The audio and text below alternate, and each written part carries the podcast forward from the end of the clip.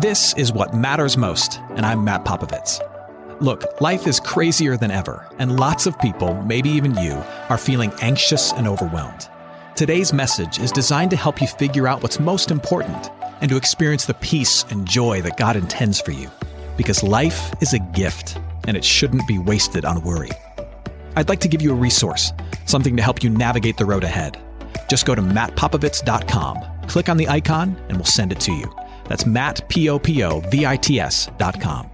And hey, if you happen to live in the Houston area, I'd love to see you on a Sunday morning at St. Mark in Spring Branch. Head to stmarkhouston.org to plan your visit. Here's today's message. Thanks for listening. Let me, let me ask you a question.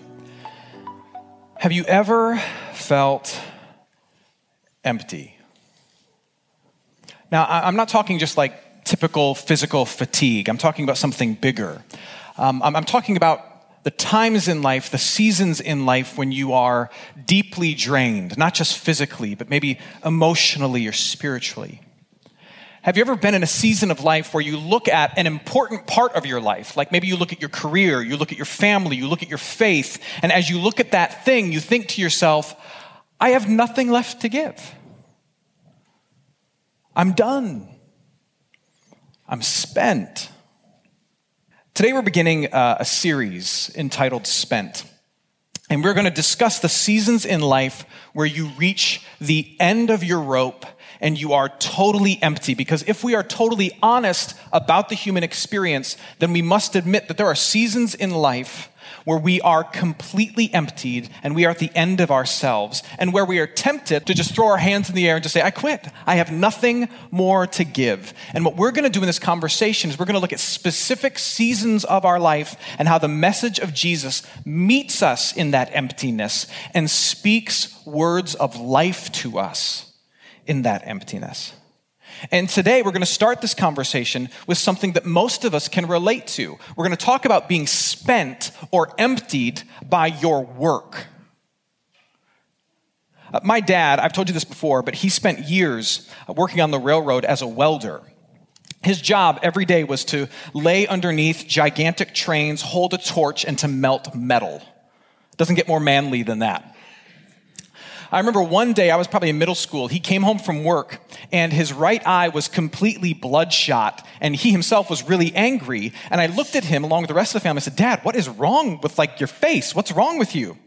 And he said, Oh, I got something in my eye. And so my mom comes up to him and opens up his eye, looks into it, and sure enough, there was a sliver of metal I know, right? From, from his welding work that was lodged in his eyeball. And I look at him and say, Dad, are you okay? And he said, ah, I'm fine. I'll go to the doctor tomorrow and have him pull it out. Just like all the others. And to him, it was no big deal. And at that moment, I made a vow. I would, I would do whatever it took to avoid work that carried that kind of pain. But then, shortly thereafter, I got my first job at the age of 14. Uh, I started working and I discovered this that you've probably discovered that there is no such job. There is no such thing as painless labor. Now, I'm not saying that all work requires protective eyewear or that all work is joyless or that all work is dangerous. Here's what I'm saying I've discovered about work, and what you've discovered about work is that all work carries a burden. All work carries a burden, all of it. And, and, and, so, one of the things we need to understand is why is this? Why is it that all work, no matter what work it is, carries some type of burden? And if you're here as a Christian, what, what we believe is that the Christian worldview explains the burden and the difficulty of work like this. There are two reasons why work is draining for every human being the curse of sin and the longings of our hearts. The curse of sin and the longing of our hearts. Let me explain. Uh, in our early history as human beings, what Christians believe is that mankind, very, very, very early, pressed against and rejected the loving rule of God in our lives. We call it the fall from grace, the fall into sin. And what we're told is that as a result of our rejection of God, that we now see things like death in this world as a result of our rejection of God. We see strife in this world as a result of our rejection of God. We see destructive self obsession in every human being as a result of our rejection of God. But we're also told that the reason we see frustration in our work is because mankind has rebelled against and pressed against God. Genesis chapter 3 verse 19 says this. It says, "By the sweat of your face you shall eat bread." By the sweat of your face you shall eat bread till you return to the ground. For out of it you were taken, for you are dust, and to dust you shall return. Leave those words on the screen. Look at those words. You're gonna have to sweat to eat. From the day you're born till the day you die. And the second you grow up and you enter adulthood and you start work and you read words like that and you say, that's harsh. But man, that is true. You got to sweat to eat. And again, if you continue to think about it, it's logical because if we as human beings have rejected God, then what that means is we as human beings have lost certain blessings of God in our life, such as divine assistance in our work, such as an immediate sense of divine purpose in our work. And when God stops helping you in your work, and God stops uh, letting you know the divine meaning behind your work, guess what? There's difficulty in your work. Work is hard. That's the curse. You have to sweat to eat as a human being. Now, that curse, though, is complicated by these deep longings that we have as broken human beings. We have this deep longing as broken human beings to feel okay about ourselves, to feel good about ourselves. So, because of sin, we're born into this world far from God, and we're born with this deep need to make ourselves feel okay about it. We're born with a deep need to justify ourselves, to justify our existence. Every human being wants to prove that they're worth the air that they breathe, the space they occupy, and the resources they consume. Every human being needs to prove that they matter. And that's a longing that can really only be satisfied by a relationship with God. But we try to satisfy that longing by holding on to earthly things like our work. We hold on tightly to our careers. We hold on tightly to our paychecks. We hold on tightly to the acclaim from others that comes from doing a good job. We hold on tightly to those things and we demand that our work answer the longing of our heart to know that we're okay and to justify our own existence. Are you following with me? The problem is this if you take this thing called work that's already riddled with struggle because of sin, and then you add the extra weight of trying to fix yourself through your work, we break under the pressure.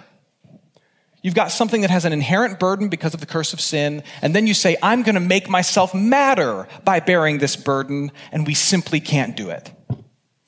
We break under the pressure. And what we all want to know as we are emptied from our work is well, how do I avoid that? How do we avoid being spent by the curse of work and the longings of our heart that we attach to our work? I've got bad news for you. I don't think we can. I don't think we can escape the burden. I don't think we can escape the pressure, at least not completely. I think we can manage the depletion from work to a degree with some best practices and some principles and some balance in our life, but we cannot totally avoid it. Now you might say, well, what if I find something to do with my life that I really, really love? I mean, I've always, I've always heard the saying, find a job that you love and you'll never work a day in your life. I don't think that person's ever worked a day in their life. So even if you find the passionate, perfect job, it'll still require you to work hard because you love it so much. You'll still have difficulties because there's a curse attached to it. You'll still never quite feel satisfied. You'll never quite feel finished. You'll never be able to fully rest. Your work, our work, will always ask for more from you. So, what do we do about it? Well, the closest that the scriptures come to offering advice for people who are drained by work comes from today's reading from Colossians 3 that Victor read earlier. I'm going to read some of that again from a slightly different translation. Uh, listen to these words Bond servants, Obey in everything those who are your earthly masters, not by way of eye service as people pleasers, but with sincerity of heart, fearing the Lord. Whatever you do, and this is the key, work heartily as for the Lord and not for men. Now, you'll take note that this, this commendation from the Pastor Paul in the book of Colossians is given to bondservants or, or a slave class in the first century world. Uh, but these words are applicable to all of us who feel enslaved to work in some capacity. And, and we can take note of two things from these two verses. Paul's direction to these workers is this give your job your best, but give God your heart. Can't escape the burden and the curse of work. But give your work your best, give your job your best, but give your God your heart. Here's what we mean by this. He says, don't offer eye service. You know what eye service is? You only do your best when you're being watched. Don't be that guy. Eye service is, is people who lack integrity. Oh, I'm on it when eyes are on me. No, give, give your job your best at all times. Just because it carries a curse doesn't mean you get to slack off. Uh, offer your best at all times. He goes further. It says, work heartily. You can translate that as work from the depths of your soul we are tempted in stressful seasons, or if you have a bad boss, or if you're doing work that you don't really like, we are tempted to feel entitled to simply mail in our efforts. But Paul says, don't. Sincerely offer the best that you can. And I would say if you, if you can't offer your best, if it's impossible to you to offer your best, then you need to find something else, someplace else where you can offer your best. Offer your best because your boss, whether they're a jerk or not, deserves it. And the neighbors in this world who are the recipients of your work, they need it. And if you don't offer your best, you're just going to end up hating yourself and getting fired, both of which are bad. So, yes, you should strive for balance. You should instill boundaries. But Paul's point is this yes, work carries a, uh, a weight, work drains us, but you don't have the option of giving up. Nothing gets better if you get lazy. Nothing. Instead, he says, and this is where the hope comes in, instead, remember who's really in charge. The person who's really in charge of you is not your team lead. The person who's really in charge of you are not the readers on your blog. The person who's really in charge of you is not your board. It's not the VP of sales. It's not the head of your firm. It's not the casting director. Who is it that is really in charge of you? It's the Lord. I mean, if, if God exists, then he is the boss of all bosses. He's the father of all fathers. He's the true CEO. He doesn't sign your checks, but he holds the whole world in his hands. And Paul says to Christian people, he says, as you labor, remember that. Remember who it is you really work for, who the real boss at the top of the food chain really is. It's his evaluation that counts more than anybody else's. Now, what's interesting is that if you stopped right there at verse 23, you could read these words, Paul's words, and on the surface, they could be, they could be taken as not very comforting. On the surface, you could interpret these words as simply this do your best because God's watching you. Which, if you read it that way, it's not comforting at all. It sounds like God is going to show up at your work at any moment and give you some kind of divine performance review. Just sit down at your desk with his beard and his white robe, a bunch of angels behind him taking notes, asking you where you want to be in five years because you're not going to heaven, right? Hey, friends, it's Matt.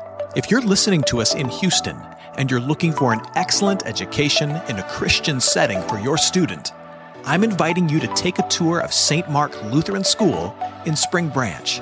We serve infants through eighth grade with an excellent faculty, brand new facilities, and a faith forward curriculum. To schedule your tour, head to gostmark.org. That's G O S T M A R K dot org to schedule your tour today. St. Mark Lutheran School. It's excellent education for your son, your daughter, your little one. Now, back to today's message in, in the book of Colossians, the context, the context is the gospel. The context of remembering who you really work for is the undeserved, unending love of God that is yours right now through Jesus Christ. Paul is speaking these words where he says, Remember who you work for. He's speaking these words to forgiven people. People who know they're forgiven. He's speaking these words to chosen people, baptized people, people who know they're loved, people who know that they're broken, they're weighed down by the draining nature of work, but they know that they are beloved. He's speaking to people who are covered by faith in Jesus in the perfect work of Jesus. He's speaking to people who know full well how the Lord feels about them. He's speaking to people who know exactly what the boss of all bosses' estimation is of them. He's speaking to people who know that the Lord, who they work for, loves them without condition and that he absolutely accepts them. So when Paul says, remember, your work is for the Lord, he's not saying, remember, God is watching you. He's saying, take heart, you labor for someone who loves you. Your boss may not like you, you may not like her. But you ultimately labor for someone you do love and who, better yet, loves you. And those words are meant to issue in his hearers, in us, a massive sigh of relief. I mean, maybe you didn't know that. You labor for someone who loves you. You work and you labor for someone who loves you. Maybe you didn't know this, but if you're here as a baptized Christian, then, then years ago, whenever it was that you were baptized, God made a promise to you. He made a promise to you about your work. Did you know that? He made a promise to you knowing that you might have a job that you hate. Or at the very least, he made a promise to you at your baptism knowing that you would have a job and that job would wear you down and that job would make you doubt yourself and hate life just a little bit. He made a promise to you at your baptism where he said, down the road, when you feel spent, when you feel like you're a failure, when you're ready to throw your hands in the air because you honestly don't care, He made a promise to you that says, I have already declared to you ahead of time, for that time, that you are loved, that you are mine, that you need not worry. But Paul doesn't stop there. He goes on to say that this, this approval that we have from God, who we ultimately work for, whether we love our job or hate our job, that this approval from God manifests itself in our life in the form of two promises. And I give both of you, both of them to you right now. Uh, the promises are meant to be like, like life preservers in the water that we cling onto uh, when, we, when we are drowning in the weight of work. The first is this we are upheld in our emptiness by an impending inheritance. And the second is we are upheld in our emptiness by the guarantee of justice. We're upheld in our emptiness by impending inheritance. We're upheld in our emptiness by the guarantee of justice. If you look at verses 24 through 25 in Colossians 3, listen to this. Whatever you do, work heartily for the Lord and not for men. And now here's Paul's rationalization. He goes into an, uh, what's called an, in Greek an exegetical clause. Just trying to prove to you how smart I am. I did my homework. Um, Here's why you can work heartily as for the Lord, not for the men, knowing that from the Lord you will receive the inheritance as your reward. You are serving the Lord Christ. For the wrongdoer, you can read bad boss, jerk of an overseer, will be paid back for the wrong he or she has done, and there is no partiality. In a typical work setting, what happens on the 1st and the 15th of every month? What happens on the 1st and the 15th of every month? That's, that's right. You get paid. Now, what happens on the 2nd and the 16th of every month? You become poor. That's right. you pay the bills. That's how the system works. You, you, you put in effort and you get a wage. That's how the system works, right? You put in effort and you get a wage as a result. But notice what Paul chooses to say. Language is very important. Uh, God, language of God's word is very important. Notice what Paul chooses to say. Paul doesn't say, take heart, in the end, you will get a wage from God. What does he say? What word does he use? He says, You will get an inheritance from God. Now, there's a huge difference between a wage and an inheritance. A wage is what you're given in correlation to your effort. You get paid in direct correlation for how you perform and how much effort you put in. So, for example, I told you my first job was when I was 14. I made $5 an hour, which I thought was pretty good in 1994. I made $5 an hour. I worked 10 hours a week at the local pharmacy, and every two weeks I got a paycheck for $90. And so my first pay period, I went up to my boss. I was 14 years old, and I said to him, I said, Hey, I know math. Five times 10 times two equals 100. I'm $10 short. And my boss looked at me and said, Yes, you are, but President Clinton is $10 richer. Learned an important lesson that day of how the world works. An inheritance is different, though. An inheritance is something you get whether you work or not. An inheritance is something you get whether you succeed or not. An inheritance is something that you get whether you aspire to great things or you amount to very little. An inheritance is something you receive simply by virtue of being the daughter, simply by virtue of being the son. Apart from your effort, you get rewarded. That's an inheritance. Now, think of this. Remember, Paul's originally writing to bond servants, a slave class of people. These are men and women who had no family wealth, they had nothing to fall back on, they had no inheritance. So, what God is saying to them, this is critical. He says, You have the same security in God's kingdom that the rich kids have in this kingdom. You have the promise of providence and reward coming your way for your work no matter what. Are you a weary worker? You may not get rewarded right here, right now, but you never have to worry as to whether your struggles at work affect God's blessing for you. You're in His family. It's an inheritance. It's yours. It's locked.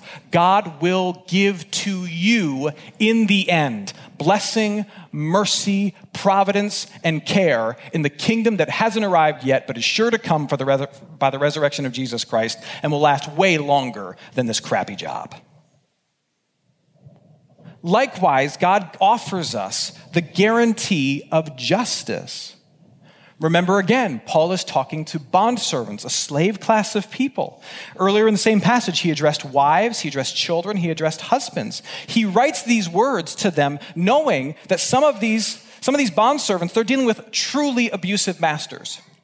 All of it is evil. All of it is broken. All of it needs to be fixed all of it contributes to a world where people are pouring themselves out, feeling utterly spent and totally empty. And what Paul wants to do is encourage people by the fact that in the end, God will fix that.